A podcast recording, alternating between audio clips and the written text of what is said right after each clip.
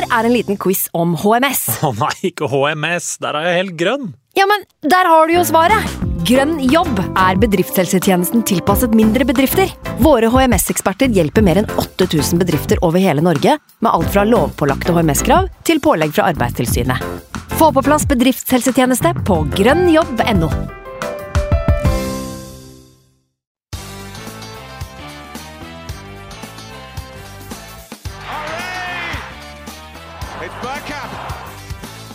for grabs now! The next station is Arsenal. Signe Husreden, happy new Premier League season, og velkommen til en utappet og duggfrisk episode av Arsenal Station. For anledningen med eh, andrestyrmann i rollen som kaptein. Eh, Simen han har rett og slett reist til sydligere strøk. Han sitter der med paraplydrink og hawaiiskjorte og nyter tre poeng. Eh, og, og nyter det faktum at han tippa riktig resultat, 2-0, eh, i forrige pod. Eh, gratulerer med det, Simen. Og nytt ferien videre. Vikar, det har vi fått inn, selvfølgelig. Og det er jo en kjent mann i, i denne poden her. Han er jo den mest fleksible og ivrige, ivrigste Arsenal-podderen jeg kjenner. Det er eh, eh, godeste Andreas fra Arctic Gunnerpod. Tusen hjertelig takk for at du tar deg tid nok en gang. Nei, det er bare hyggelig, det. Det er um, alltid koselig å, å kunne prate litt, eh, litt Arsenal. Og jeg er jo stort sett alene i, i min pod, så nå eh, det er godt å kunne ha noen i andre enden av mikrofonen òg. Ja, du var ikke alene nå. Var det så sent som i går, altså fredag, nei torsdag blir det vel, eh, så hadde du en celeb gjest òg. Stemmer det. Direkte fra London så fikk jeg altså med meg eh, Jonas Berg Johnsen, og uh, fikk prata litt om intervjuet med, med Martin og, og uh, situasjonen i Arsenal og, og, og tida framover. Så det var et, et, en veldig, veldig trivelig prat. Så um, det anbefaler jeg jo så klart alle å gå inn og høre på hvis de, hvis de har lyst til det. Jeg har bare hørt halvparten, og det er ikke fordi at jeg følte at halvveis så var det ikke verdt å høre på lenger. Det var fordi at jeg lever et fryktelig hektisk ferieliv akkurat nå, så jeg har ikke rekke å høre den siste halvparten. Men det jeg har hørt var veldig spennende. Som du sier, Andreas, det er uh, en fyr som nettopp har snakka med Martin Ødegaard. Ganske lang mm. uh, passiaro, får man si. Så det må dere sjekke ut. Den er vel så aktuell nå, en dag senere. Men vi, Andreas, vi skal jo ikke snakke så veldig mye om, om det samme som dere gjorde. Vi skal snakke om en fotballkamp. Nå er faktisk sesongen i gang. Gardina mm. har blitt trukket for, og her står vi på toppen av tabellen toppen av fjellet med tre poeng. Vi var jo på toppen av tabellen før kampen nå, for så vidt. Selv om noen ønsker å sette AFC Bournemouth øverst bare for å fucke med oss, så, så er de fleste sånne tabellaktører setter oss øverst. Der er vi fortsatt. Eh, og nå med luke ned til andreplassen. Eh, blir det seriegull? Ja, it's coming home. Det, det, er vel ikke noe tvil om det. det um, ja, da, vi, vi, har jo allerede slått Sevilla og Chelsea, så uh, at vi er Europas beste lag for øyeblikket, er vel lite tvil om. Så uh, vi, vi, må vel kanskje spille de siste 37 og, og, kanskje la noen andre spille noen kamper før vi finner ut den, den biten der. Stop the count, er det ikke det man sier? men sånn I pandemien så ble vel det en, en greie. Men um, vi skal prate så fyldig som mulig om det. Vi, vi har litt, litt tidsnød, for uh, jeg skal rett og slett uh, skru av verden ei uke nå, dra på Hardangervidda i morgen tidlig. Uh, altså lørdag. sånn at da det er ikke mulig å nå meg. Så de som har lyst til å kritisere meg for mitt tabelltips, de kan bare gi blanke, for det får ikke noe svar for hvert fall ei uke. Vi skal ta litt om det faktisk òg. Men før, før, vi kommer så langt, så må vi ta en liten seanse om Arsenal Norway. Nå sitter vi faktisk to podkaster her med, med, avtale med supporterklubben. Mm. Og det er jævla hyggelig. Nå er vi bare to podkaster i Norge òg, sånn at at vi begge er eh, i en situasjon der vi, vi, samarbeider med supporterklubben for å fremme deres arbeid. Eh, i, også, I tillegg at de fremmer vårt arbeid. Det, det, det, er jo sånn Jeg tenker det er nesten sånn det bør være. Og er veldig glad for å ha deg på, på laget sånn sett, Andreas. Um, gratulerer med det. Um, takk, takk. Da kan jo du selge inn supporterklubben, når, når du òg har uh, fått litt erfaring med det de siste par episodene? Ja, nå er jo ikke jeg like, like dreven på det som deg, da. Men eh, det er jo eh, i, i, en av mine første opptredener i denne podkasten så kalte jeg det vel eh, fjottpenger. Eh, 250 kroner i året for å, for å være med i eh, Norges beste, eh, verdens beste supporterklubb, for å si det sånn. Det det er et miljø som, som, du bare må være en del av hvis du, hvis du følger Arsenal. Og eh, det er seks supporterblad som, som kommer i postkassa, skrevet av av ekte Arsenal-fans. De, de, brenner for det de skriver om. og Det er i tillegg 15% rabatt på alt på fotballbutikk.no. Nå er det jo bare Arsenal-relatert som er interessant, men eh, du får faktisk rabatt på alt. Eh, det er òg muligheter til å søke på heimekamper, eh, som er blitt mer og mer vanskelig. Eh, du kan vel søke på bortekamper for så vidt, kampbilletter generelt, men eh, men tror ikke du kan søke på, bort, du kan vel ikke søke på bortebilletter. Um, Nei, det slutta jeg med for en to-tre sesonger siden, rett og slett for at det ble for vanskelig. Um, ja, det er jo skikkelig rift om billettene. Og, eh, og, da er det absolutt en, en, fordel å ha et lite fortrinn inni den køen der, altså. For det, det, blir færre og færre billetter rundt omkring å få tak i. Så å ha en sånn offisiell kanal inn i det er absolutt en, en fordel. Eh, og så har man jo nå da muligheten til å være med i, i en podkast i tillegg. Det er rett og slett eh, det som er mitt grunnlag for, for uh, samarbeid. Det er jo at uh, jeg har oppretta ei spalte som heter Månedens Gunner, der jeg tar med Arsenal Norway-medlemmer og prater om deres Arsenal-reise. Og um, det er jo noe jeg har hatt lyst til kjempelenge å, å, å høre ifra alle, ifra alle kroker av dette landet, hvordan de fant klubben og og deres reise med den. Så um, jeg vet ikke, er det så veldig mye mer vi trenger å nevne om det? Det er rett og slett bare å, å gå inn og melde seg inn. Har du vært medlem mm. før, så de, gjenoppretter de det gamle medlemsnummeret ditt, så får du det, det litt lavere nummeret.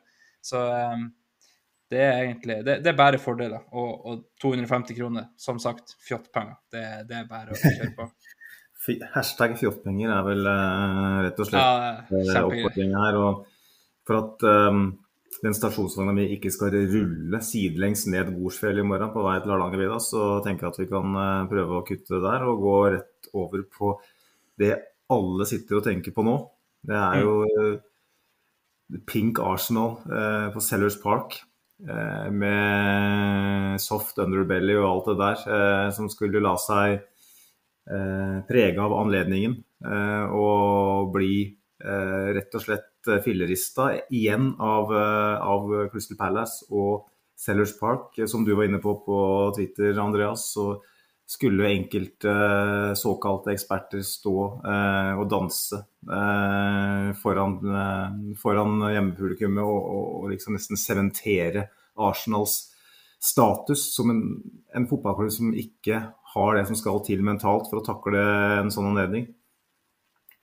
Eh, sånn ble det ikke denne gangen, selv om eh, vi sikkert kan diskutere litt om, om det som skjedde etter 1-0-skåringen. Men eh, bare sånn innledningsvis, Andreas. Eh, Startoppstillinga.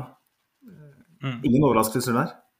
Absolutt ikke. Um, på mitt tips så traff jeg på 11-11, uh, så det det var jo de som starta i, i, forrige kamp mot Sevilla, og det var jo forventa. Det, det, var en grunn til vi har bruka Ben White på høyre en del i, i preseason for å, for å, trene på det rett og slett inntil sesongstart. Ellers så var det jo ikke noe, noe å lure på.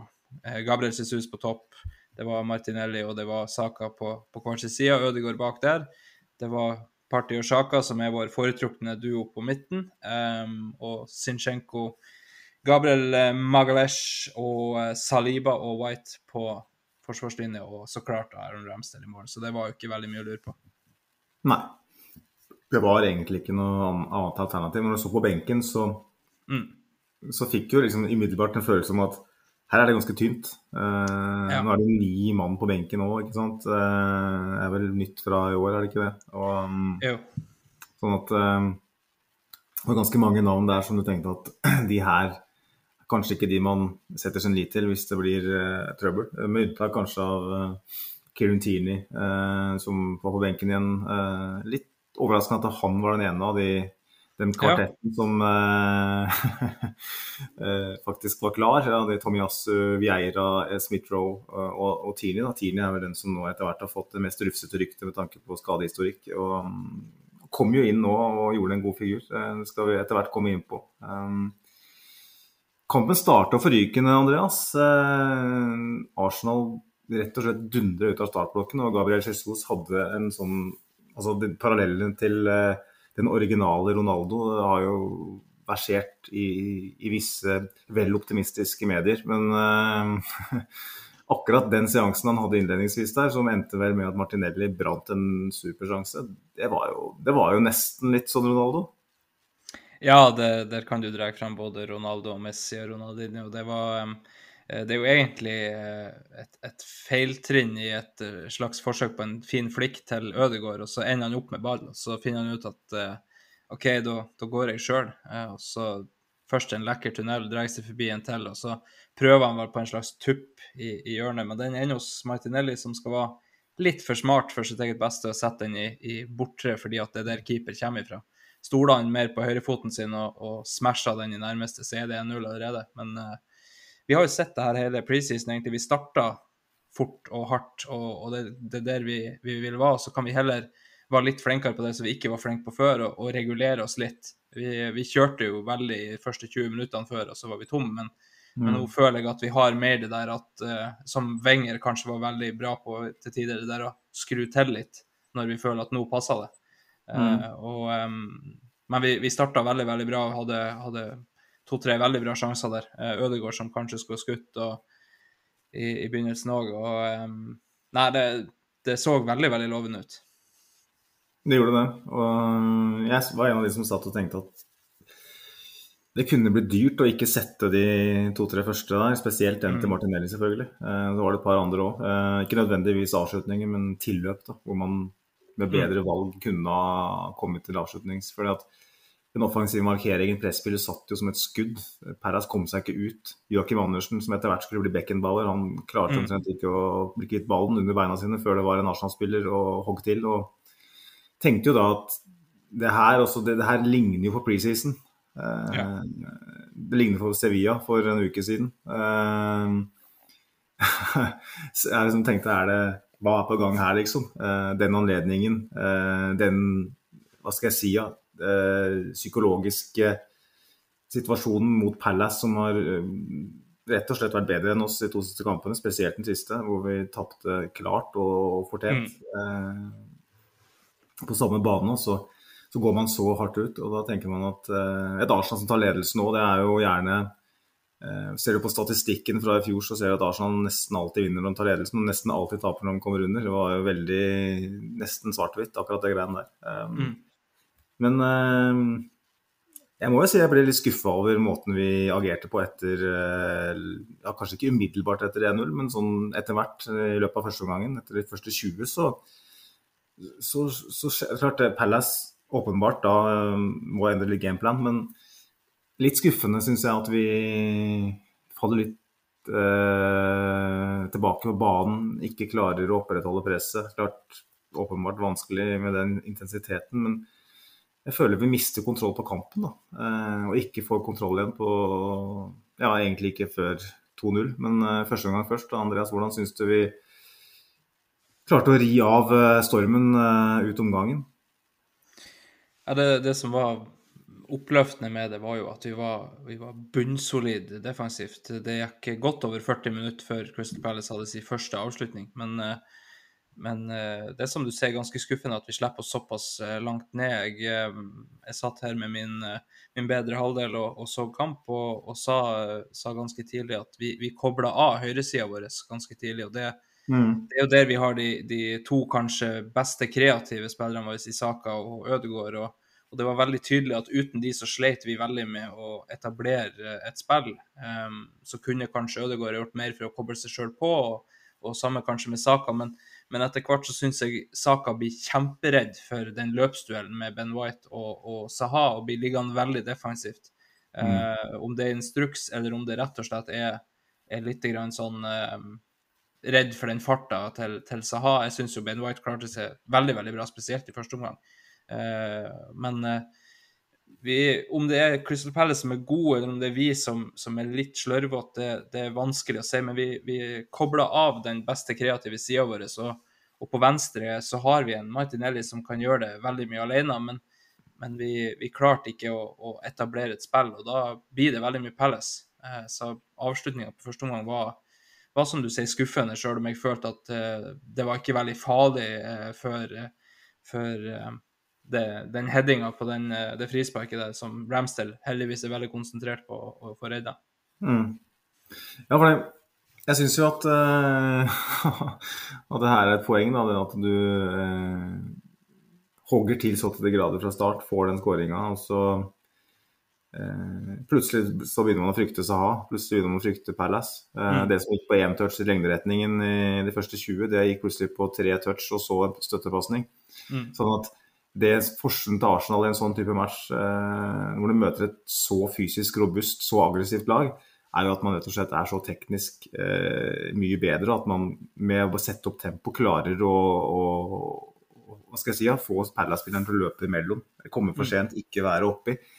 Men når man da begynner å nøle, begynner å, å senke seg litt, så da, kom, da ser du Dokoré f.eks. på midtbanen der bare mm. så Han kommer opp i gang på gang på gang og vinner dueller. Plutselig ser du Thomas Party fra en spiller som i de første 20 eh, bare sto og dro av spillere og slo pasninger, til å bare havne i sånne fysiske dueller hele tida, må kaste seg mm. ned eh, og skli. Eh, plutselig ser du midtstopperne våre bli utfordra. Eh, sånn at jeg føler kanskje at det er liksom nesten litt sånn psykologisk. da. Selvfølgelig delvis fordi at Palace da eh, får den imot, men òg jeg føler kanskje at eh, ja syns vi svikta litt psykologisk i den kampen her, da. Um, som uh, Skal vi se, jeg fikk en på Twitter her fra Henrik. Uh, at Henrik Koig skriver i seier, men syns vi ikke dominerte nok. Og det er litt sånn Klart det er jo uh, veldig det, det er én setning, da, men han er inne på noe, da. Mm. Hvorfor klarer vi ikke å dominere mer etter 1-0. og det er, det er, en åpningskamp, og det handler om å få med seg tre poeng. ikke sant? Vi, har, vi er traumatisert etter fjoråret, og vi er traumatisert etter 0-3 på Sellers i fjor. 0-3 mot Brentford i åpningskampen under flomlysene og alt det der. Samme type anledning. Men eh, litt skuffa rett og slett altså, over at vi, at vi, ikke klarer å ja, sette kniven i dem, for å si, si det rett ut. Eh, Absolutt. Jeg vet ikke hvis vi skal gå, gå litt videre, um, så, så, går vi inn i andre omgang. Uh, Syns vi ser mye av det samme, egentlig. Uh, mm. Det er ikke noe overraskende at Palace går, går hardt ut. Men hvordan, uh, hvordan syns du vi takla Hva skal jeg si, ja? Uh, før 2-0-målet? Hvordan syns du vi spilte da?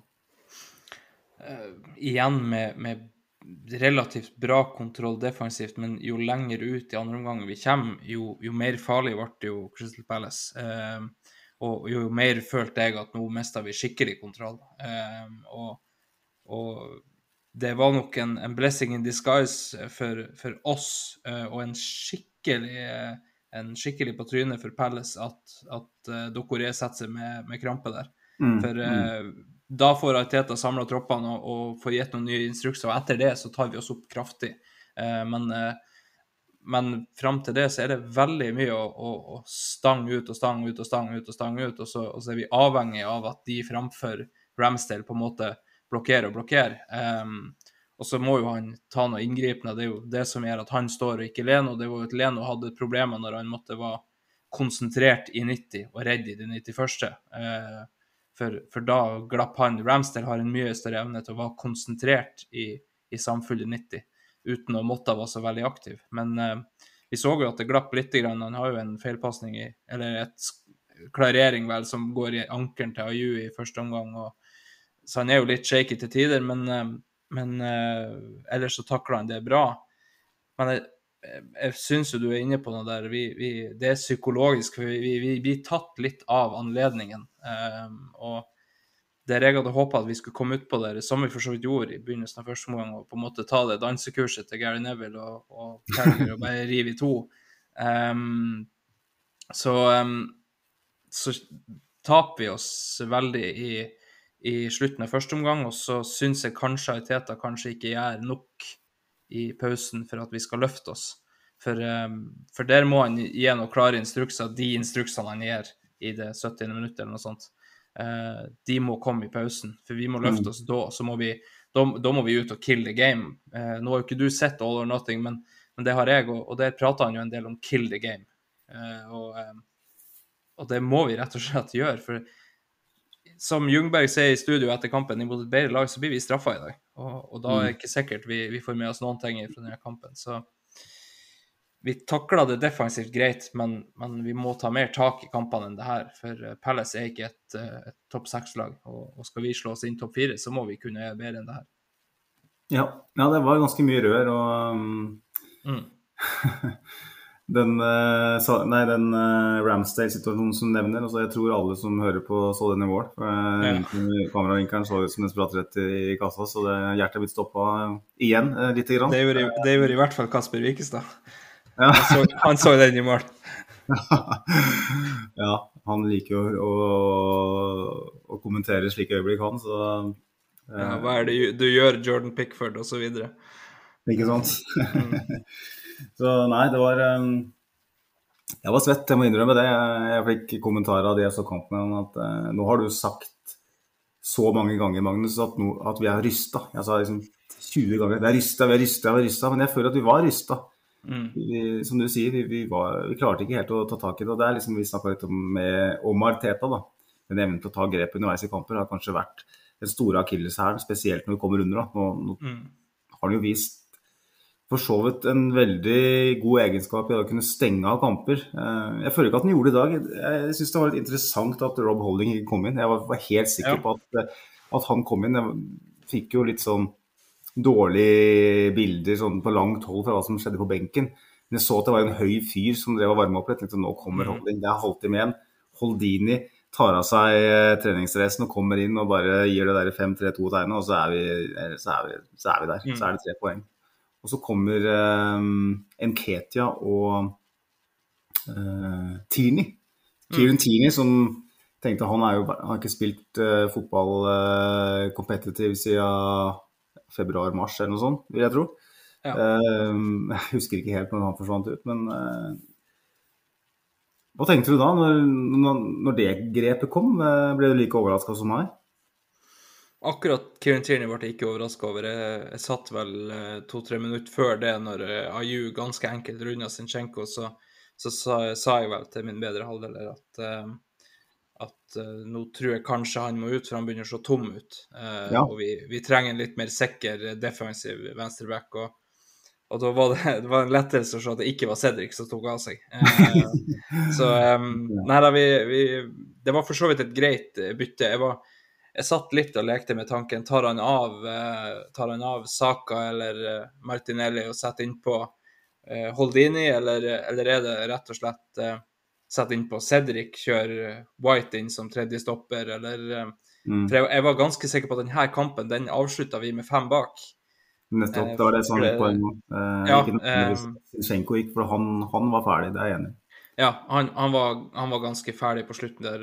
Det handla vel litt om om hvordan eh, han har brukt sommeren. Ikke akkurat uh, spilt veldig mye fotball, og så var det en overgangssaga, og så kasta inn i det i Arsenal litt og, og litt sånn. Men, men um, ja, nei, ikke veldig overraska over, over Tierney inn sånn sett, men, men kanskje litt mer overraska over at han tar av Gabriel Jesus, um, som så Jeg syns han så farlig ut, egentlig helt til han ble tatt av. Han var litt for hot i hodet, antageligvis, og så er det der med å ikke sprenge han i hjel. Og så har nok Edin Ketty fått visse lovnader, men um, Men ja, han kommer jo òg innpå for, for Gabriel Jesus, da.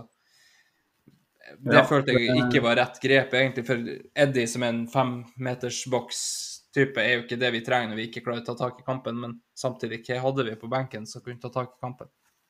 Nei, Jeg syns jo jeg er enig med deg med, med Gabriel Jesus. Han valgte kanskje øyeblikkene sine litt feil i dag. Um, mm. Syns han en del uh, tilfeller kanskje kunne vært litt mer på jobb i presspillet mot eh, Andersen, som fikk lov til å slå den der ballen gang på gang på gang. Eh. Noen ganger så, jeg han sto litt avventende med og ja, det, det, er klart at det, det vil ta tid for, for han nå å tilpasse seg et nytt lag. Um, mm. Men jeg syns han nørte litt i presspillet, spesielt i andre omgang. Eh, jeg tror, jeg tror, faktisk at det var en av de viktigste årsakene til at Nketia kom inn. Nettopp det. For at Nketia han, ja. Han har spilt i Arsenal nå under Arteta såpass lenge, og han, når han kommer inn, så pleier han Du kan si mye om innholdet han har hatt uh, i, i, klubben, men Mm. akkurat det der med presspill, der, der har han vært ganske eh, ekstrem. Um, Ja. Så vet vi at Gabriel Jesus har, har rykte på seg for å være en av de aller beste på akkurat det, da. men jeg syns i dag så ble det kanskje litt het i en enkelte situasjoner, uh, som eh, Eh, som du påpeker. Eh, mens, eh, mens han, han sovna litt, kanskje, eh, i den offensive markeringa. Eh, sånn jeg, reagerte jo veldig på at, eh, at vi på en måte ikke Det handler litt om Arteta, selvfølgelig, og at vi ikke på noe tidspunkt klarte å justere når det gjaldt den der gameplan til Palace, for den var jo veldig endimensjonal. Det var å prøve, spille av presset eh, bak der, og så få frigjort eh, Andersen. Og så var det å pumpe den ballen gjerne mot Saha eller AU. Eh, Ja. den, jeg må jo si det, da, jeg er jævlig imponert over eh, de, de ballene til, til Andersen. Det var, jeg, har sett han en del, jeg har aldri sett den så god. Eh, den satt jo fra meg nesten alle. Det var, det var imponerende. og mm, så det er klart, Av og til så må man bare anerkjenne det òg, at motstanderen har en spiller som har en god dag på jobben. Eh, De har lov til det, de òg. de har det. Men eh, Håkon Larsen på Twitter, at Håkon Larsen 92, han, eh, han er veldig positiv til Gabriel Jesus. Eh, Han skriver spiller. Ny dimensjon for oss, selv om det ikke ble skåring i dag. Kommer til å bli konge. Og vi lar oss ikke bekymre over den prestasjonen her, Andreas. Nei, vi gjør ikke det. Jeg tror manglende presspill sammenfaller ganske mye med at han har ikke hele resten av rekka med seg heller. Eh, det er grenser for hvor mange ganger du sprenger mot to og tre mann alene. Eh, Ødegård tør ikke å gå helt opp til tider, og det er fordi at saka ikke går helt opp. Eh, fordi han er redd for Ben White og. Eh, I tillegg til at eh, til at eh, Nå husker jeg ikke hvem som var venstreback på Palace, men han sto veldig høyt. Eh, Mitchell? Mitchell, ja. Mm. Og da, da føler jo Saka at han må bli, hvis ikke jeg har White to mot én, og da er det, da er det kjørt. Men, Ja. eh, så det var òg et, et grep som Vieira gjorde eh, når de begynte å ta, ta litt mer over. Men, men jeg syns Jesus viser prov på, på det vi har henta han for. Den sjansen som han skaper for Ødegaard der. Eh, bare de der switchingene på skuldra til stopper, for at han ikke skal være helt sikker på hvor han skal snu seg, og så stikker han inn framfor og får den ballen, eh, så skal Ødegaard skyte. Ja, Eh, for jeg, jeg, jeg skjønner ikke hvordan han tror at den skal nå fram til Martinelli. Martinelli er ikke først engang, hvis han kommer på den. Eh, den. Den skal bare sette. Altså, om du så skyter over, så prøv i hvert fall. Eh, vi trenger flere mål fra midtbanen, og, han er en viktig del av det. Men, eh, men ja, Jesus syns jeg er en glitrende signering. Han, han var fantastisk i, i preseason. Jeg, jeg skrev det til etter, etter førsteomgangen spesielt skrev jeg det til en kompis som er Leeds-supporter, som, som satt og så på kampen, for han hadde både Ødegaard og, og, em, og Ben White på fantasy-laget sitt. Eh, så da så skrev jeg det at hvis det her er spiss, så har ikke vi hatt spiss siden Thierry Henry.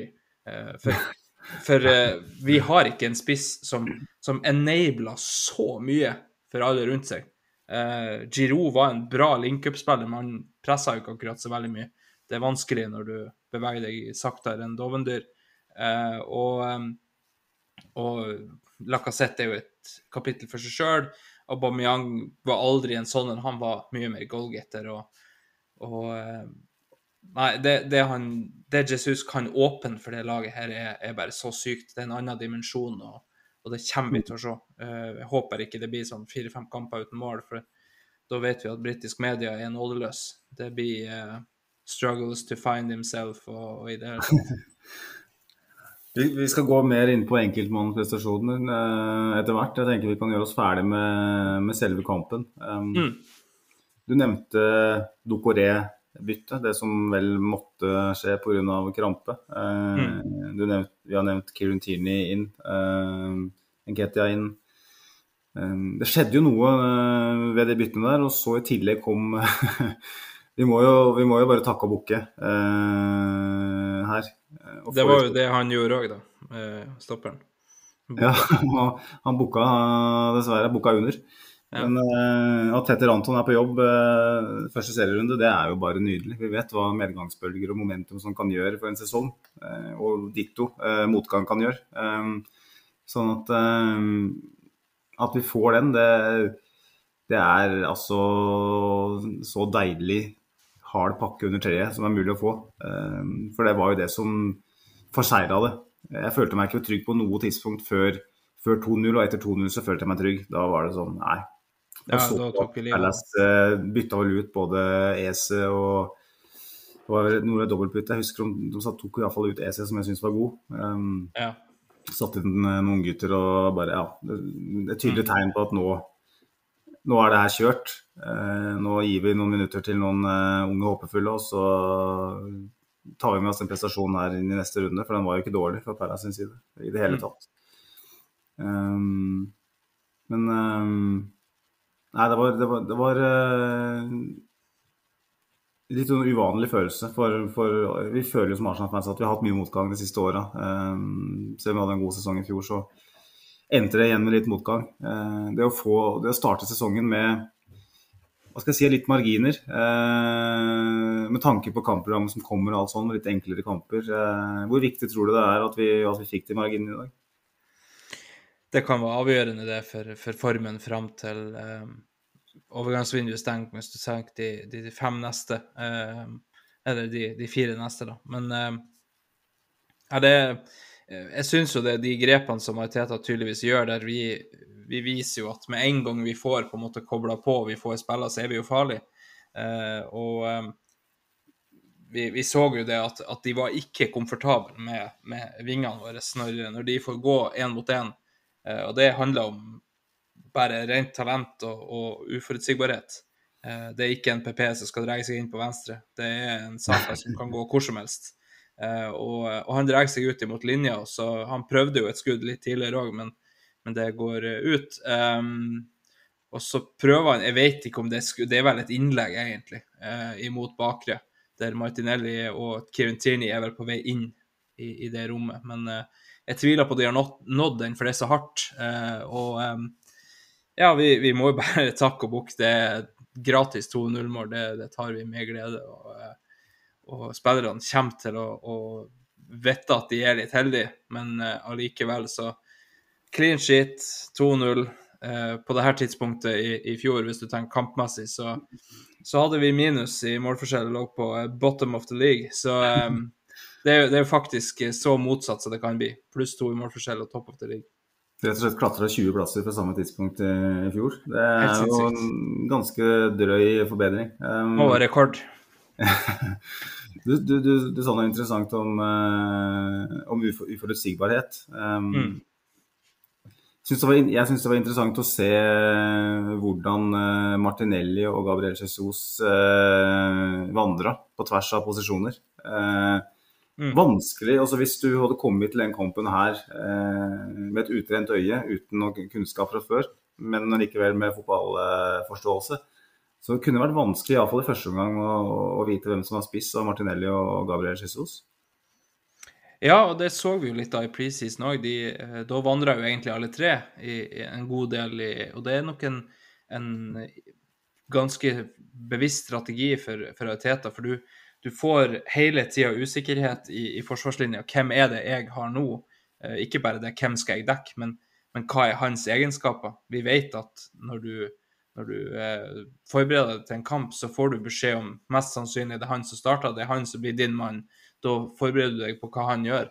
Eh, en venstreback kan ikke forberede seg på hva hele frontlinja gjør. Det, det går ikke. Så, eh, så, det er absolutt et viktig moment det der å, å vekse litt. For Eh, Gabriel Jesus og, og Martinelli har to vidt forskjellige eh, spekter av hva de vil gjøre med ballen. Eh, og, og, plutselig for en stopper så er det en lynrask Gabriel Jesus. Eh, nei, Gabriel Martinelli, så det er så mye Gabriel her. Uh, men Martinelli, da, som, som, bare vil rett på mål. Mens plutselig har du en Jesus som er Det er like sannsynlig at han dreier deg av som at han kombinerer med Ødegaard eller Saka.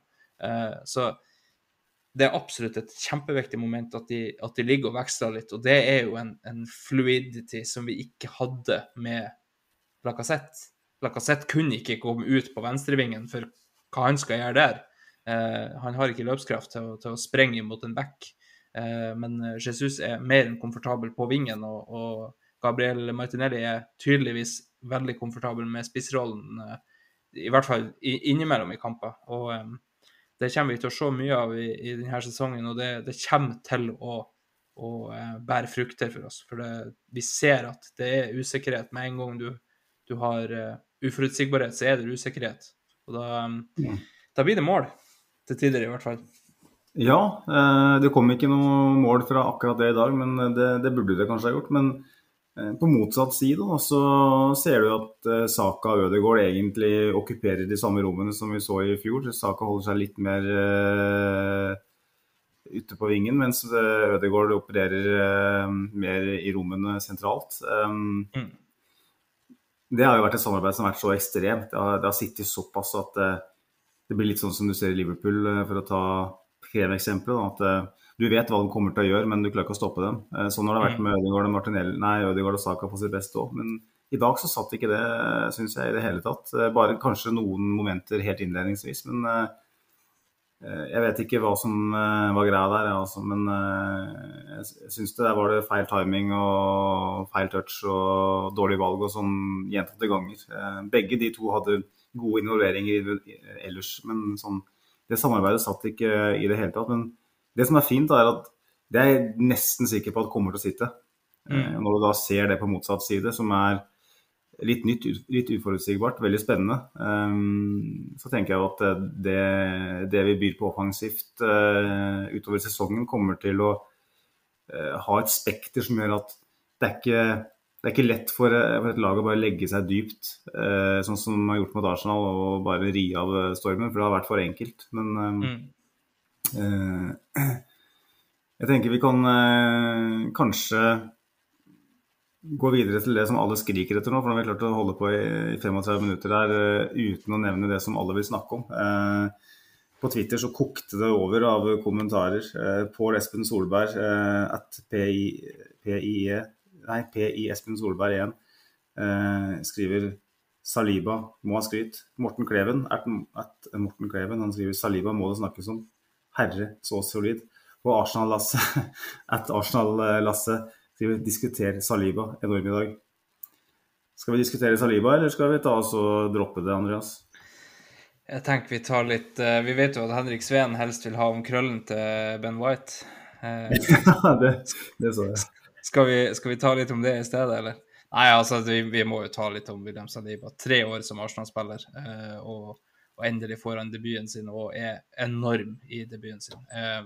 jeg ble vel kanskje litt carried away. Satt der og, til, til, fruen og sa at han spilte til ti på børsen, men det er ikke langt unna. Eh, for han var Jeg kan ikke komme på noe feil han gjorde, egentlig. Eh, veldig viktig i flere involveringer med blokkeringer og taklinger. Og den ene situasjonen der når, når White må være i sida imot Wilfred Saha, Saha går utover, og der er Saliba. Og, mm. og da sto jeg på gulvet her og, og sa, til, sa, til, fruen at det der er nøyaktig det vi har mangla. Det der med at når du står med, med sikring, så må Saliba følge med. Hva gjør Ben White? Han velger ut, da sikrer jeg inn. Og så mm. gjør han det, og så stopper vi Wilfred Saha. Eh, en av Premier Leagues farligste vinger, bare så det er sagt. Så nei, i dag så er han, er han, fantastisk, og hvis det her er det vi kan forvente av stopperparet vårt, så er det bring it on, us. Det det er tidlig, men, men, han ser veldig, veldig bra ut. Og snakka veldig godt for seg i intervjuet etterpå, syns jeg. Det var, var veldig, veldig sterkt. Når jeg ser på statistikken, så jeg får ikke helt til å stemme. altså Ifølge Husgård, eh, som jeg ofte bruker sånn rett etter match, eh, så står det at han har ingen taklinger i dag. det er mulig at altså, Det kommer kanskje som blokkering av alt. Jeg vet ikke. Det, det kan godt hende. Eh, men uansett, da. Poenget er vel at han, han er såpass i forkant at han trenger ikke alltid å takle engang. Mm. Han leser spillet altså så enormt godt. Det er nesten ufattelig for en 21-åring som spiller sin første kamp i Premier League, med ja. det bakteppet om at han har det navnet. Eh, har vært ekstremt mye skriverier om om hans Arsenal-karriere. Tre år, som du nevner. Eh, og så kommer han inn, og så altså er det Jeg vil kalle det, den debuten her som selvfølgelig.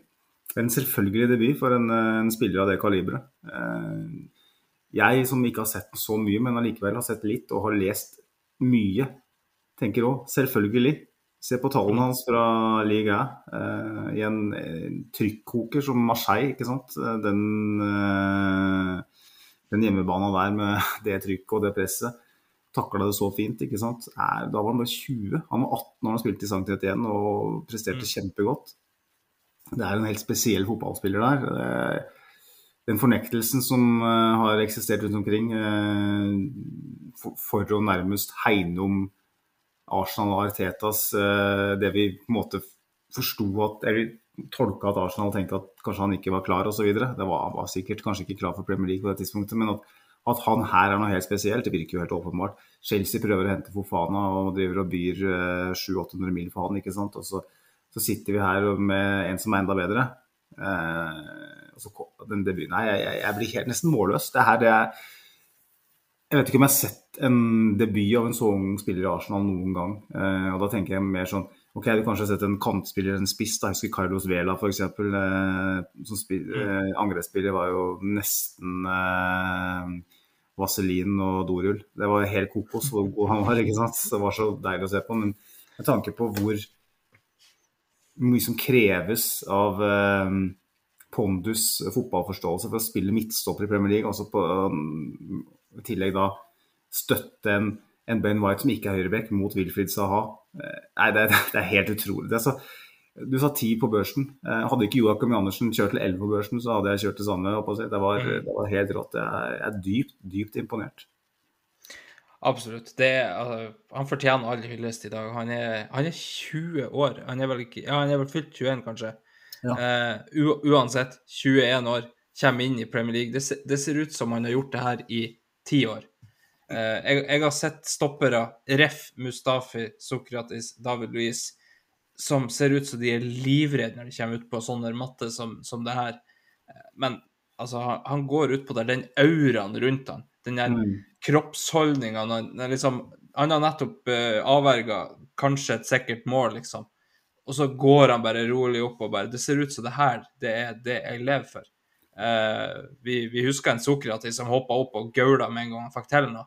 Men, uh, men, en Saliba som er den største selvfølgelighet at han skulle blokkere det skuddet. Den største selvfølgelighet at han skal lese den pasninga. Og, og vinner jo Jeg tror ikke han tapte en hodeduell i dag. Eh, og, nei, ja. Det er, det er så vanvittig deilig å, å føle at på stopperplass er vi, er vi safe. Eh, vi har uh, Altså, fjerdevalget vårt er Rob Holding, og det, det, går fint. Det går helt fint, det. Det, det, det gjør meg absolutt ingenting. Tredjevalget vårt det er jo litt ettersom hvordan du snur og vender på det. Ben White, Gabriel, Saliba. Uansett hvordan av de, de tre som, som starta, så, så, er man ganske safe. Det er mm. ikke mange år siden vi var med Vi hadde Sjaka som stopper i noen kamper. Vi hadde mm. Mustafi, Sokratis, David Luiz Man kan nevne de her på løpende bånd. Det var horribelt å se på. Det var jo spillere som trakk seg unna når folk skjøt. Og, og, man satt liksom med beundring og så på Burnley som kasta seg framfor. Og i dag ser vi en Saliba som bare Det her, det I got this shit. Bare går utpå der og ser ut som han er 35 år og spiller i Premier League i, i alle sine år. Det Nei, all ære, altså. Jeg jeg har spilla forsvarsspiller i, i to-tre år nå. Flytta litt rundt før det, men, eh, men spiller forsvarsspiller. òg. mm.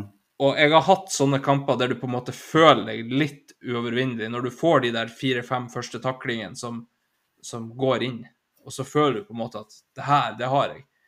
Og det oser jo han fra første sekund på det. Det ja, helt sykt. Bøy meg i hatten, som Heidi Weng sier. Ja, um, jeg syns jo uh, det som Jeg syns du oppsummerer godt, Andreas. Jeg, et øyeblikk som jeg husker veldig godt eh, fra den kampen her, uh, er jo mot slutten av kampen når det uh, igjen blir tatt litt ubalanse etter vel en, nok en, en, lang kule fra han jævla dansken, som jeg kalte han i løpet av matchen. Jeg ble, mm. så lei det der diagonale fra Joakim Andersen. Men um, Thomas Party solgte seg litt. Eh, tok vel trøyene på på um, det var Saha, var det det? Var det Saha? Eh, Iallfall så var det en av de spillerne på venstresida der. Det, man blir jo litt sånn kokkelimunk i hodet når, man, når det står inn et kvarter og du leder med ett Mm. mål. Du mister det litt. Som bør Ja, ja, egentlig gjøre matchen på reprise bare for å få kjørt seg ned. Men uansett, da. Eh, da gir vel Taylor eh, fordel. Og så kommer Saliba der som et godstog, altså. Mm. Han timer den taklinga helt ekstremt. Mm. Og han sklir, ikke sant. Altså, hadde det vært Mustafi, så hadde det vært rødt kort. Eh, Ja, ja, ja, ja. Eller han har kommet åpenbart tre eh, år for tidlig eller for sent. Men han er så jævla godt tima. Og det som det jeg elsker med det, er at når, da, når det da blir dømt eh, frispark for situasjonen i forkant, så ser du Saliba bare mistre litt. Skriker litt til dommeren. Og Han har en sånn kjølighet ved seg, liksom. Litt sånn van Dijk-ish, og det er farlig å si, selvfølgelig. Men eh, kanskje kan han oppfattes eh, i intervjuer, intervjuer litt sånn som litt sånn nonchalant, ikke sant? Kanskje mistenker man at det er litt av årsaken til at Arteta har vært litt sånn småskeptisk. Så ser du det i den kampen her, at han liksom Litt sånn britisk reaksjon, for å kalle det det. Og da tenker jeg at OK, you got it. Altså, han forstår det. Han er, han er på jobb allerede. Han, han, har, han har fast stilling, for å si det sånn. Og ja. Eh, jeg er en av de som stilte litt spørsmålstegn ved å bruke 50 millioner pund på Ben White i, i fjor. Um, fortsatt litt sånn med å tenke på hvor eh, god Saliba er, da. Uh, så tenker man kunne man ha fått noe litt billigere. Men som du har vært inne på, Andreas, vi trenger tre gode stoppere. Uh, og nå er vi i en situasjon hvor Tommy Yasu er såpass skadeforfulgt, Uh, iallfall har han vist seg å være det. Og vi skal spille såpass mye fotball denne sesongen her at eh, det er jo egentlig ganske genialt å ha White, Saliba og Gabriel eh, som stopperalternativer. Um, og jeg er også veldig komfortabel med det. Eh, eneste litt skuffa på Holdin i Svein i dag, at det kan komme inn og bli helt igjen. Det, jeg syns jo det er kult, da, men eh, Mm.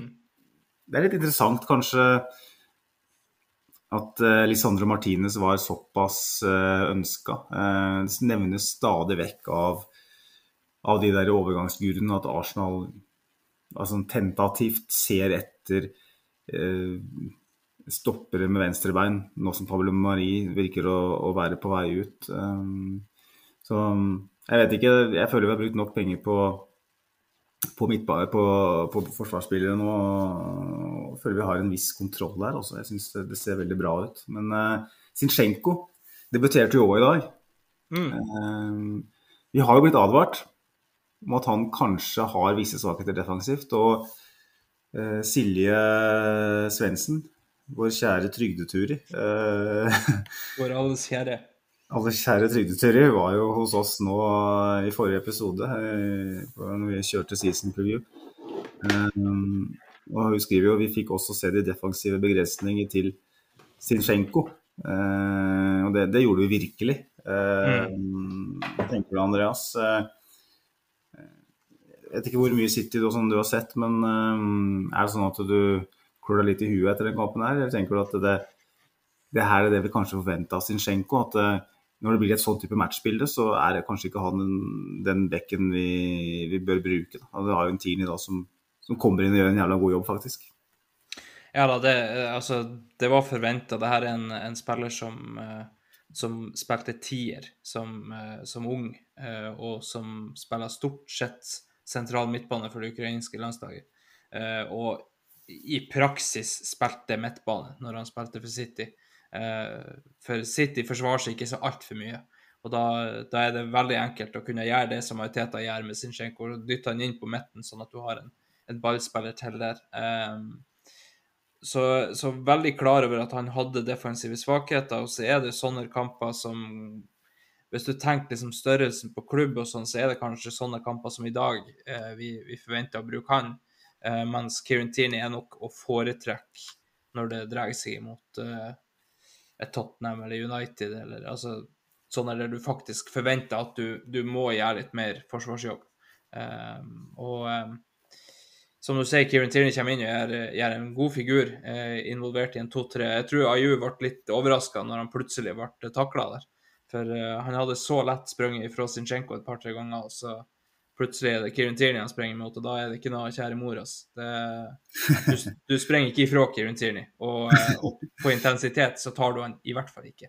Så, um, så det, var, det, var, deilig å se at, at han uh, på en måte såpass ivrig etter å, å, å, bevise når han kommer inn på det der viset. Og, og det kan jo bare være bra for, for både Tierney og Zinchenko å ha hverandre der, for de kommer til å pushe hverandre til å bli bedre. Og um, kanskje er det faktisk et, et heads up for Kieran Tierney nå at du, vi har faktisk kjøpt en som kan erstatte deg. Uh, så hvis du har lyst til å være med videre på det her, så, så må du faktisk kanskje tenke litt over hvordan du skal holde skadefri. Og um, det er ønsketenkning, men, uh, men, vi håper jo at det er det som skjer. Det har jo vært ei god uke, syns jeg, for Kirin Tierney, som har blitt snakka ned ganske mye. Uh, jeg har vært en av de ivrigste nedsnakkerne sånn sett. Uh, og det kjenner de som hører på poden her godt til. Eh, da blir jeg veldig glad når, når vi får en Kirin Tierney som virka ganske klar, syns jeg, når han kom inn i dag, som jeg var inne på. Og mm. de uttalelsene òg bygger veldig på det du er inne på, det med at eh, han ønsker konkurransen velkommen fra Zinchenko. Eh, han snakker veldig varmt om Mariteta, han snakker eh, veldig varmt om om sesongen som kommer. Han virker ganske sånn nøktern og, og, og klar. Eh, han virker som han forstår rollen sin godt. Eh, og det er ingenting som er bedre. Det verste ville vært hvis Kieran Tierney hadde vært den samme sånn i hodet som han av og til er på trening med avklipte armer i snøvær. Mm. At han viser den modenheten med de uttalelsene. Det, det, gjør at jeg tenker at jo, Kieran Tierney han kan være en nyttig mann han, i den, den troppen her. Og når vi ser det kampbildet her og jeg, Det jeg har tenkt, er jo kanskje at med de signeringene vi har gjort og det stegene vi har tatt, så vil vi sjeldnere oppleve å få de type matchbildene her. Dette var jo noe som prega oss veldig i fjor. ikke sant? At vi stadig vekk måtte eh, holde fast eh, båtripa, ikke sant. Eh, og klar, prøve å ri ting i, i land. Eh, mens jeg, jeg, i mye større grad forventer nå at vi, at vi, kontrollerer kamper hele tiden. I dag så var det jo absolutt ikke sånn. og vi får inn uh, en Kieran Tierney da, som viser at han kan gjøre en så spesifikk jobb. Det er sånn yes. Det er det en, en stall trenger. En stall trenger fotballspillere som kan komme inn fra benken og gjøre spesifikke jobber. Um, vi kan ikke bare ha 90-minutterspillere, uh, spesielt ikke den æraen med, med fem bytter. Så jeg er veldig spent på på fortsettelsen. Jeg vet ikke om vi skal si oss ferdig med, med, Crystal Palace nå, Andreas. Det er sikkert masse mer vi kunne snakke om, men det er klart vi allerede har holdt på snart en time. Og jeg skal som sagt rulle ned Golsfjell i morgen og opp Hardangervidda. Um, hva, hva, kan vi gå videre med her? Vi har jo um, Leicester, vel, er det på lørdag? Leicester er jo på ingen måte klare for sesongen. De uh, har ikke henta en eneste utespiller. Den eneste klubben i topp seks-ligaen i Europa som ikke har henta en eneste spiller, sa de i dag på Viaplay. Det stemmer nok på det, og de har jo mista Schmeichel nå. Eh, mm. Og ikke erstatta han, så da kom jo han Ward inn fra, fra Liverpool.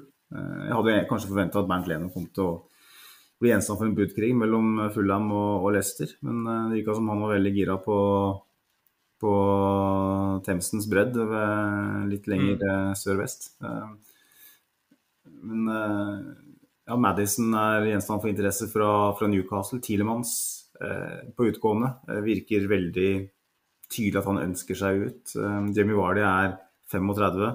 36. For faen han linkes til Chelsea. For faen linkes til Chelsea, ikke sant? Han kommer til å lage et helvete for å komme seg dit, det er jeg helt sikker på. Ja. Så at han uh, Ricardo Pereira nå var ute et halvt år med en akillesskade. Mm. jeg skal ikke le av det, men det virker som Bredden Rogers sitt prosjekt er i ferd med å smuldre opp foran øynene hans etter en svak fjorårssesong også. En liten, liten lite frampek for hva som skal skje på lørdagen førstkommende helg, Andreas. Eh, jeg tror det Arsenal kommer til å følge opp eh, med tre nye poeng. Ja, eh, det er så mange indisier på en måte, både negativt for Leicester sin del og positivt for oss. Eh, på en vanskelig dag så tar vi tre poeng på en arena der vi sleit Altså, vi ble rundspilla i fjor. Og, og på med, med, et på en måte narrativ som, som malte opp at det skulle starte likedan som i fjor. Um, det kommer ikke til å være, til å være samme arbeidsforhold, uh, for det er vel på Emirates.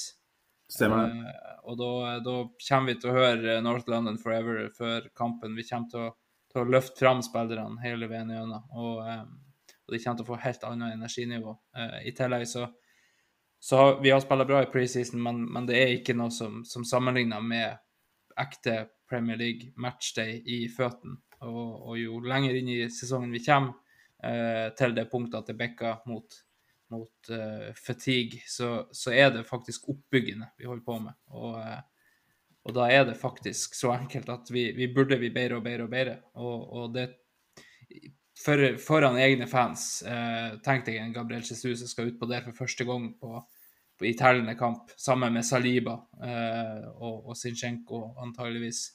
Så ja, nei, jeg, jeg kan ikke se for meg Jeg var mye mer nervøs for denne kampen for, enn for Leicester, for å si det sånn.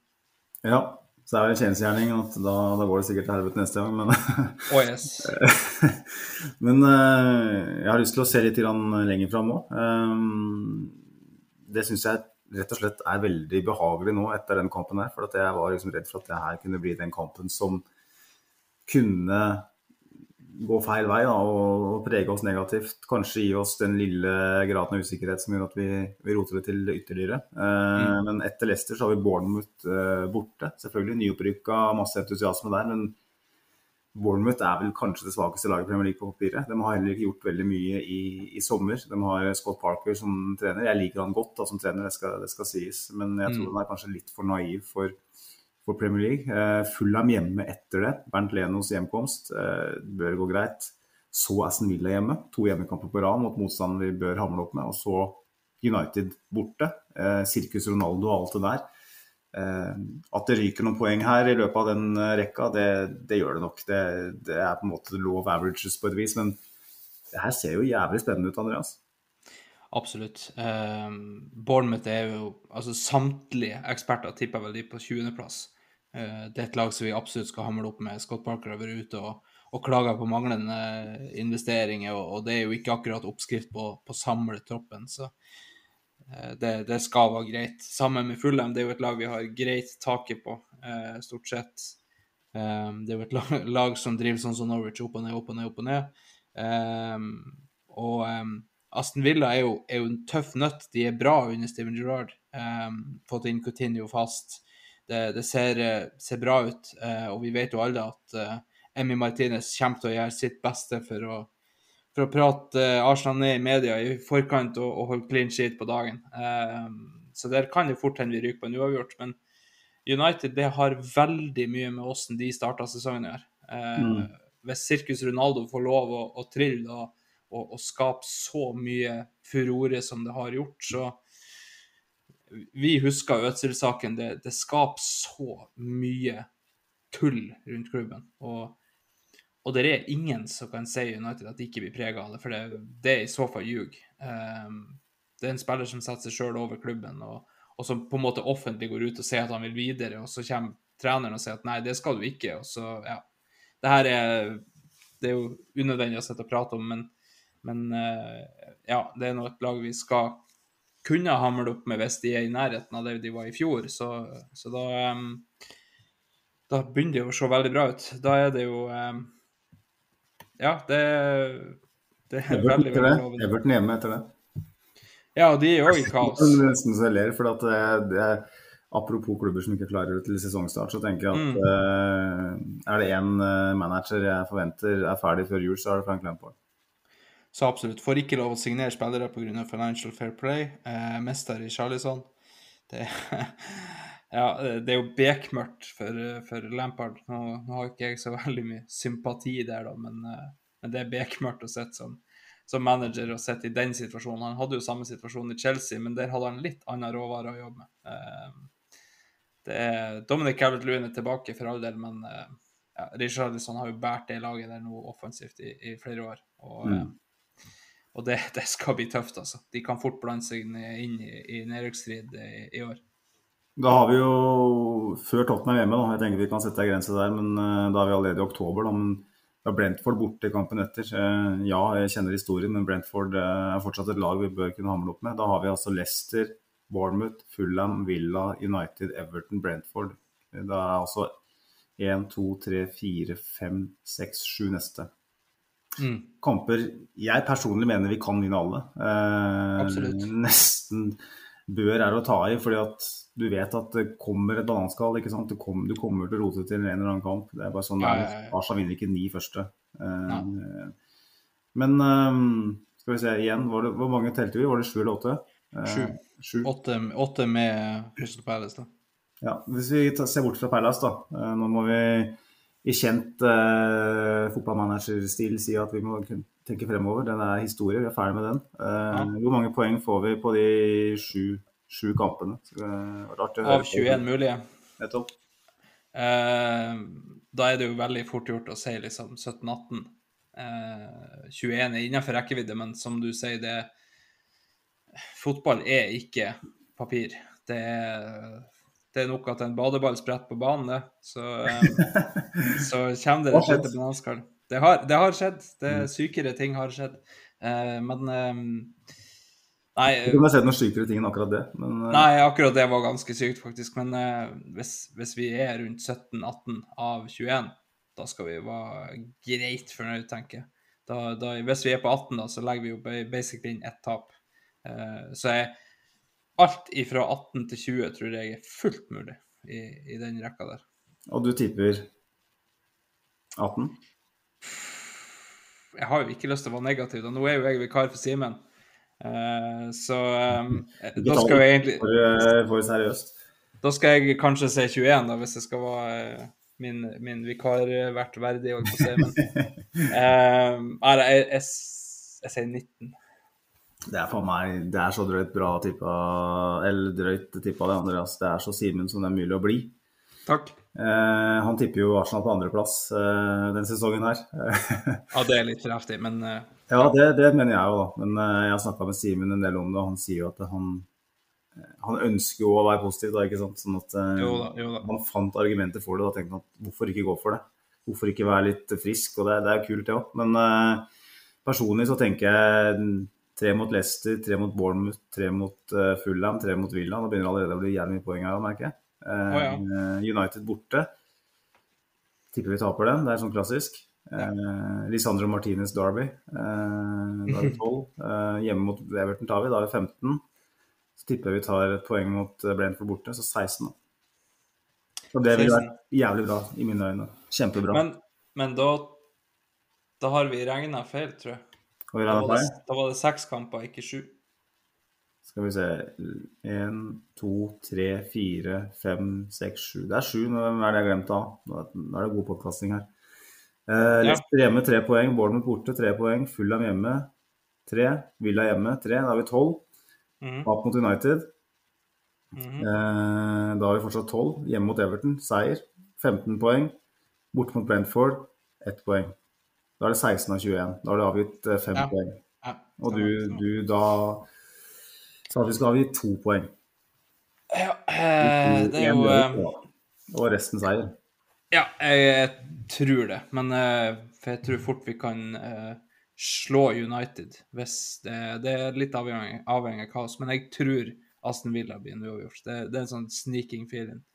Og uh, når jeg sier det, jeg er såpass dårlig å tippe at uh, da slår vi Villa, og så blir vi knust av United. ja. Nei, men jeg, uansett hvem av oss som får rett, så blir det bra. Um, vi har allerede fått tre poeng, sånn at vi tåler rett og slett et poengtap i de kampene her. vi går ikke invincible gjennom denne sesongen. Spoiler alert. Det det, det, det, skjer ikke. Ja, nå må, nå må, du ta den rollen som Siemens eh, ja, okay, det. tar litt seriøst her. Men eh, ja, nei, Simen ja. er ikke, han er ikke eh, så naiv. Eh, nei. Det skal jeg ikke inn. Han er en veldig oppegående eh, mann. Så det er vel ingen som tror det. Men eh, jeg tenker avslutningsvis, Andreas, så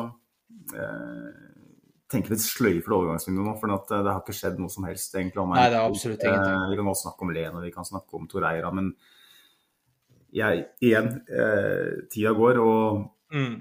det har blitt veldig mye snakk om, ikke sant. Sånn at eh, kan vi ikke ja. droppe overgangsvinduet, da. Det er jo deilig da, når sesongen er i gang, og snakke litt om fotball. Ja, ja, ja. Og ikke masse taxisjåfører som har spotta en eller annen fyr der, og en eller annen fyr som er på et bakeri en plass, som har sett en fyr komme med skoleboller. eh, ikke sant? Det blir bare piss. Mm. Eh, tabelltips. Der har jo jeg og Simen og de som var innom podden i forrige episode, kommet med vår topp seks. Eh, bare for å, å friske opp da, for de som eh, ikke husker, så har jeg da eh, Liverpool som seriemester, City nummer to, Tottenham nummer tre, Arsenal nummer fire, Chelsea nummer fem og United nummer seks. Eh, for å skape en debatt der, da, har du noe som er annerledes? Jeg har City som seriemester, eh, rett og slett fordi at jeg tror Liverpool er så svekka av Mané ut. Eh, og de er fortsatt så avhengige av van Dijk at skjer det noe der, så så er det plutselig krise. Og um, vi skal spille et VM midt i, midt i sesongen her. Um, mens City for sin del har egentlig kjøpt inn det eneste de mangler, og det har de kjøpt to av, uh, spisser. Og den ene av de har et målsnitt i alle klubbene har vært som ikke ligner grisen. Så jeg, jeg klarer ikke å se noe annet enn at City skal, skal vinne. Jeg tror ikke det blir 10-12 poeng ned til Liverpool, det tror jeg ikke. Men jeg tror det er en, en grei eh, tittel, fordi jeg tror det blir fort en 5-6 poeng ned til Liverpool.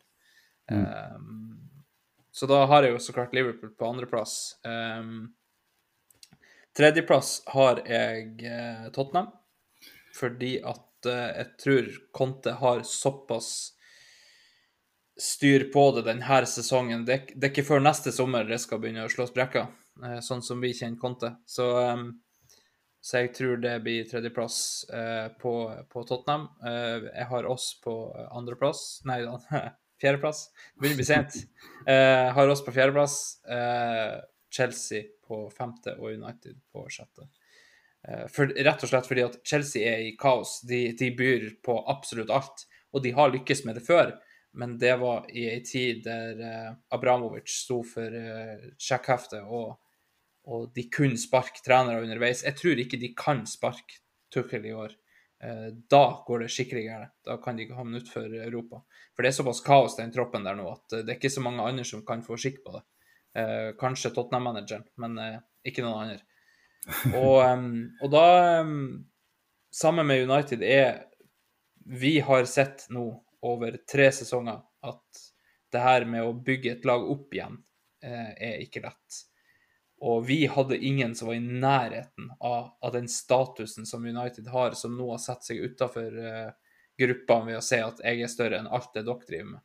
Uh, og, og det er en så stor forstyrrende faktor at uh, vi, vi hadde Ødsel, vi hadde Aubameyang, men, men ikke noe i nærheten av det der. Eh, Ronaldo er kanskje det største som, er, som har vært i fotball, ja, men, men å sette seg over klubben såpass offentlig som det han gjør nå, det er, det er helt krise for klubben sin del.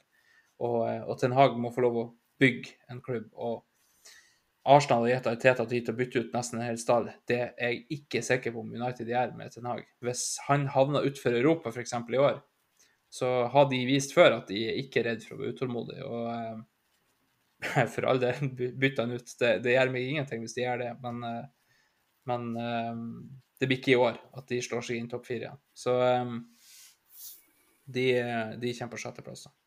Ja, Det ble ikke mye debatt her, da, Andreas, for vi er jo egentlig veldig enige. Det eneste vi er uenige, er jo hvem som vinner serien og hvem som blir nummer to. Og Mm. Det er kanskje den minst interessante debatten for oss som Arsenal-fans. Eh, Egentlig, for de to er så mye bedre enn resten uansett. Jeg tror ikke det gapet kommer til å være like stort i år, men, eh, men eh, det er de to det står om. Det er ikke tvil om det.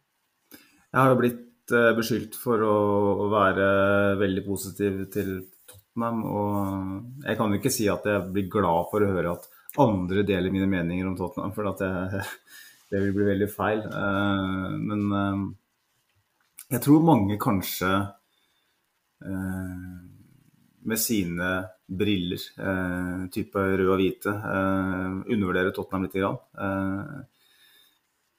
Og det har jeg vært veldig offer for selv i, i foregående sesonger. Jeg har avskrevet Tottenham mange ganger, men akkurat når Antonio kom til manager eh, på sin andre sesong med et overgangsbudsjett, eh, med Son og Kane som er to av de beste spillerne i Premier League, så såpass ærlig må vi være. Eh, de kommer til å melke det for alt det er verdt. Fått inn Richarlison, har allerede Kulusevski. Eh, de har en god bredde offensivt nå som gjør at de tåler et Kane-fravær f.eks. på to-tre måneder veldig veldig godt. Eh, mm. De har fått inn Busoma på midten, som løser mye av det fysiske der. Eh, fått inn wingbacker som Conte ønsker, og du vet at Conte kan gjøre en gråstein til en god wingback. Eh, sånn at den sesongen som kommer nå, frykter jeg veldig at Tottenham kommer til å en, gjøre det veldig veldig godt. Jeg tror de fort kan være oppe i 80-tallet. Eh, mm. Og da sier folk at uh, ta på deg Arsenal-brillene dine. Uh, ikke vær så negativ. Um, ikke snakk opp lillebror, for det er en, en, en Judas act. Men jeg tror det er smart å, å, å kanskje stålsette seg litt. Grann, for at en mm. sesong som kan bli slitsom på den måten. Uh, men så, det, så, kommer på en måte gullgryta i enden av regnbuen, og det er at Tottenham på sikt som du er inne på, eh, allerede sannsynligvis i løpet av høstsesongen 2023-2024 blir det vel, mm. kommer til å slå store sprekker. Da kommer Conte til å vinne å mase. Eh, han har, fått, han har, ikke kommet mer enn 10-15 poeng bak Liverpool og City, og han vil helst ha hele verden av eh, verdensklassespillere, og Daniel Livi kan ikke gi ham det. Og da blir det et helvete. Eh, og så sitter du igjen med en aldrende Kane, en aldrende Son, en spillerstall som ikke er rusta for et nytt managerbytte, eh, hvor du må starte på nytt eh, med kjempehjelp på stadion. Jeg tror det kan gå skikkelig til helvete med Tottenham på en to-tre to, års sikt. Det tror jeg. jeg tror det kan gå skikkelig, skikkelig til helvete. Når det er sagt, så tror jeg de gjør veldig rett i å melke Son og Kane. For at hvor ofte har du to så gode offensive spillere? Mm, samtidig. Ikke sant. Sånn at de gjør rett i det på en måte, men jeg tror de gjør veldig feil i bygginga ellers. Jeg tror de gjør feil i å gi per Conte Perisic. Jeg tror de gjør feil i å gi Conte Richarlison til 600 mill. Mm. Um, så jeg er ikke positiv til Tottenham uh, på sikt i det hele tatt, men jeg tror de får en god sesong. Um, og så tenker jeg jo at kanskje noen overvurderer, overvurderer Arsenal litt grann nå. Uh, Simen Goffeng f.eks. Uh, sånn at jeg, vi er fortsatt et veldig ungt lag. Uh, vi, vi, kommer fortsatt til å eh, variere i prestasjoner. Eh, Gabriel Jesus har vært helt insane i preseason, men han skal fortsatt inn i laget. Han kommer ikke til å skåre hat trick hver match. Eh, Zinchenko skal spilles inn. Han har ikke vært så lenge her. Det kommer til å ta litt tid. Det som er deilig, som vi er inne på nettopp, er at vi, vi har et greit program nå. Vi, vi, kun, vi har muligheten til å, å bygge eh, voldsomt momentum fram mot eh, senhøsten. Så må vi bare håpe at, eh, at vi kan utfordre Tottenham om den tredjeplassen. Fordi at United og, Chelsea, som du har vært inne på Iallfall ikke United frykter jeg ikke i det hele tatt. og Jeg, syns du sier veldig mye fornuftig om Chelsea. Det er, jeg hadde en Twitter-rant i, går kveld hvor jeg slakta dem litt. Grann, og mista et par følgere, så jeg. Det får bare være. Eh, men Todd, Todd, Bowley han virker som en full sjømann med fulle skattkister. Eh, han virker som han har noe plan. Han inviterer til T-selskapene de der forbanna Top Gun-brillene sine og, og tror han skal være karen i hver, da. Eh, og bare kaster ut bud på navn etter navn etter navn. Han minner meg om Manchester United. Eh, skal si i løpet de siste to, tre, fire, fem årene. Eh, det gås bare for navn. De har ingen plan. Skal bare det skal bare flekse egoet sitt, den fotballklubben der. Og som du sier, det er ikke Roman Abramovic lenger. Det er ikke Grani Skova i, i, den, uh, i den rollen uh, som sportsdirektør. Petter Czech er borte. Uh, rett og slett den der kontinuiteten i klubben er borte. Ja. Du ser bare en fotballklubb som er helt ute av styring. litt Barcelona-aktig, faktisk, hvis du kan skru tida litt tilbake. Ja, ja, ja. Jeg tror det kommer til å gå skikkelig til helvete eh, på sikt. Og Arsenal akkurat nå er i en så fantastisk posisjon. Så må vi bare Nå har jeg snakka lenge, Andreas, og det er du som er gjest, men jeg, jeg bare maner til tålmodighet eh, for eh, den prosessen vi er inne i nå. Fordi at rivalene våre de har ikke den samme kontrollen. hvis Liverpool og City på samme tidspunkt får en liten downer, så tror jeg Arsenal er den klubben som er best rusta for å kunne ta steget opp.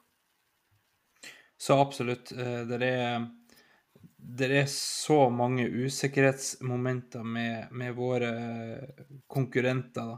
Det er det som du ser, Tottenham som, som ja, ser bra rusta ut i år, men hvis vi da ser, eh, ser litt videre, så, så er det faktisk på lang sikt ganske store usikkerhetsmoment. Eh, Det er, eh, det er Chelsea som er helt i kaos. Eh, De har mista Ja, de har henta Kolibali, men han har aldri spilt i Premier League og er over 30 år gammel. Eh, De har mista Rudiger, som er en av verdens absolutt beste stoppere.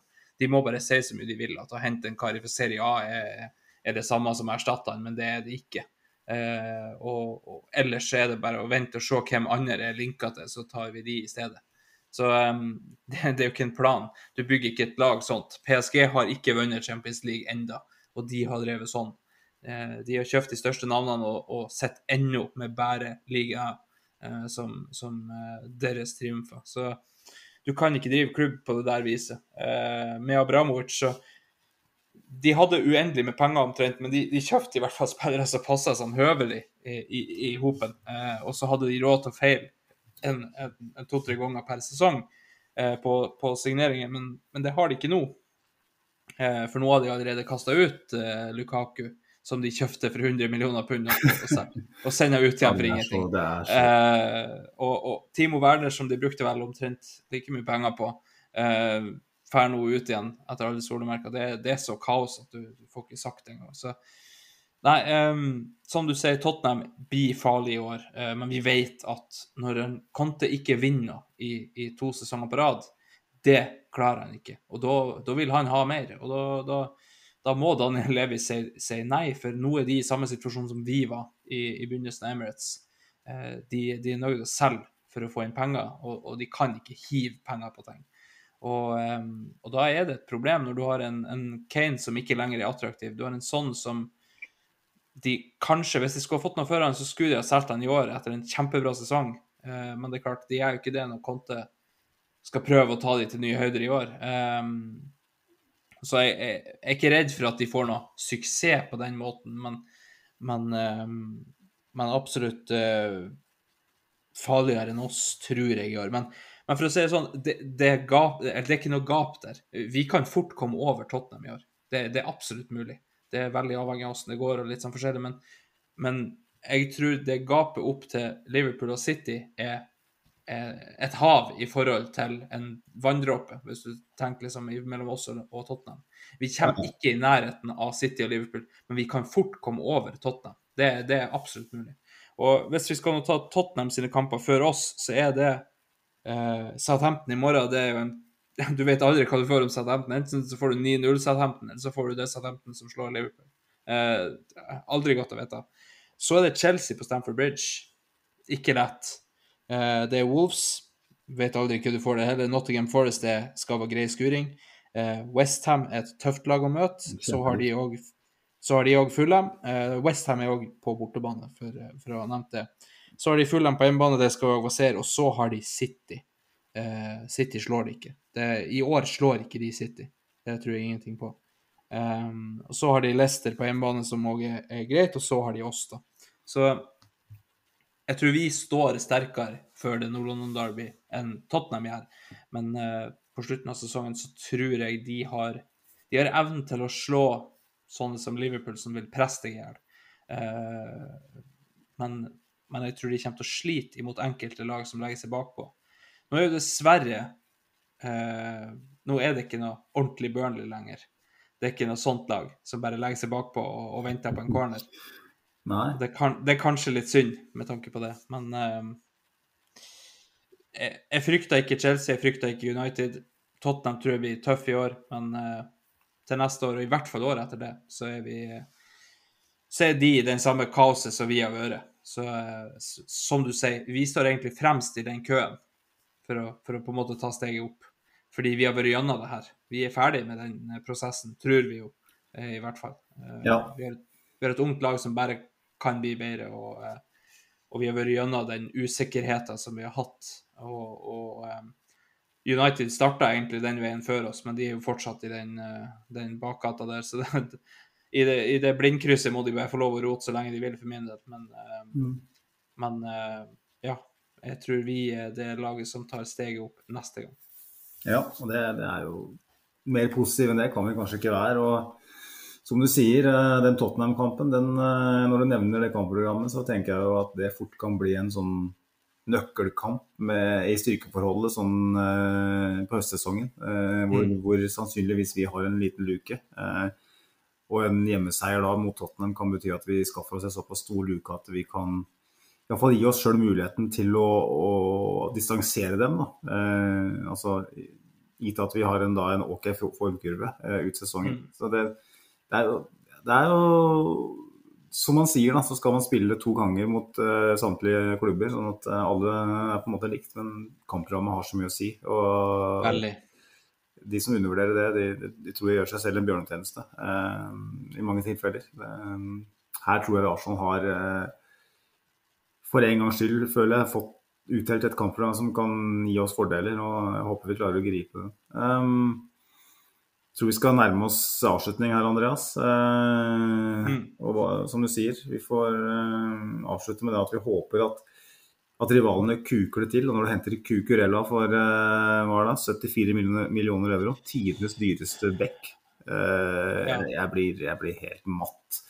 Spørsmålet til deg, Siste spørsmål jeg stiller deg, Andreas, er Tror du Chelsea hadde bydd på ham hvis ikke City hadde eh, vært interessert? i? Nei, hvorfor i alle dager skulle de det? De har jo ikke speidere sjøl, tydeligvis. Eh, det er samme grunn til at de er inne for de Jong og, og, og så videre og så videre. Så jeg, jeg, jeg tror, jeg, sånn helt seriøst så tror jeg ikke det. Jeg tror de tenkte hvis han er bra nok for City, så er han i hvert fall bra nok for oss. Nydelig. Eh, og for at vi ikke skal kuke til noe enda mer eh, tidsmessig nå, Andreas, så tenker jeg at jeg skal takke deg for eh, veldig gode, kvalifiserte meninger gjennom poden. Tusen hjertelig takk. Nok en gang. Jeg vet jo ikke hvor kvalifisert det ble, da. Jeg kom jo dypere og dypere ned i, i mongoipaen her, så Ja, vi det, det ble, ble bare verre og verre, holdt på å si. Verrere og verrere, som en på arbeid sier. Så um, Nei, men eh, det er alltid hyggelig å bli spurt, og, det er alltid hyggelig å, å få stille opp. Eh, så um, det er når som helst. Du som har jobba dypt under bakken, så kan vi si at det var ikke noe å grue seg til det her. Det var absolutt ikke noe å grue seg til. Og, og du kan tro den vitsen der blir tatt mye i, i, i malmgruva som jeg jobber i. Da Det er på- det er på tørreste nivå. Det er godt å ta seg en mongo-ypa, som du kalte det. Uh, bare for å si det. Han, sitter, han drikker mongo-ypa. Uh, vi, vi harselerer ikke med, med den slags, men uh, igjen eh, Jeg antar at vi høres igjen eh, om ei ukes tid når jeg er tilbake fra vidda. Og mm, forhåpentligvis kan snakke om enda en trepoenger. Eh, jeg ønsker eh, både deg og lytterne Eh, hva skal jeg si? Jeg, jeg bare ber dere suge på karamellen og ønsker dere lykke til med, med uka som kommer og matchen mot Leicester. Og så tipper jeg at Arsenal Station er tilbake ved ukeslutt, som vi pleier å gjøre når det er sesong. Eh, og da sier jeg bare sayonara og ha det, ha det. Hei. Ha det.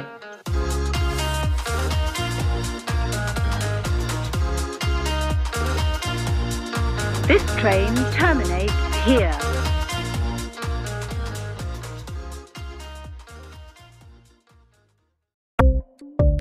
Ukens annonsør er HelloFresh. HelloFresh er verdens ledende matkasseleverandør og kan være redningen i en travel hverdag. Mange av oss har nok vandret i butikken både sultne og uten en plan for middagen, som ender med at vi går for de samme kjedelige rettene gang på gang.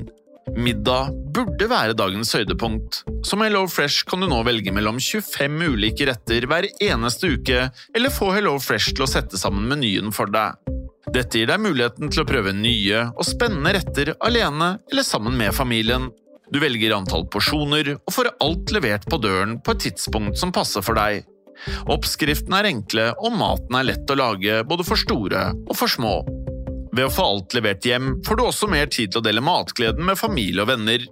Kanskje det frister med asiatiske tacos eller greskinspirert kylling? Da kan jeg anbefale deg om å gå inn på hellofresh.no. Her kan du bruke koden FOTBALL og få opptil 1779 kroner i rabatt på de første fem matkastene hvis du ikke har prøvd Hello Fresh tidligere.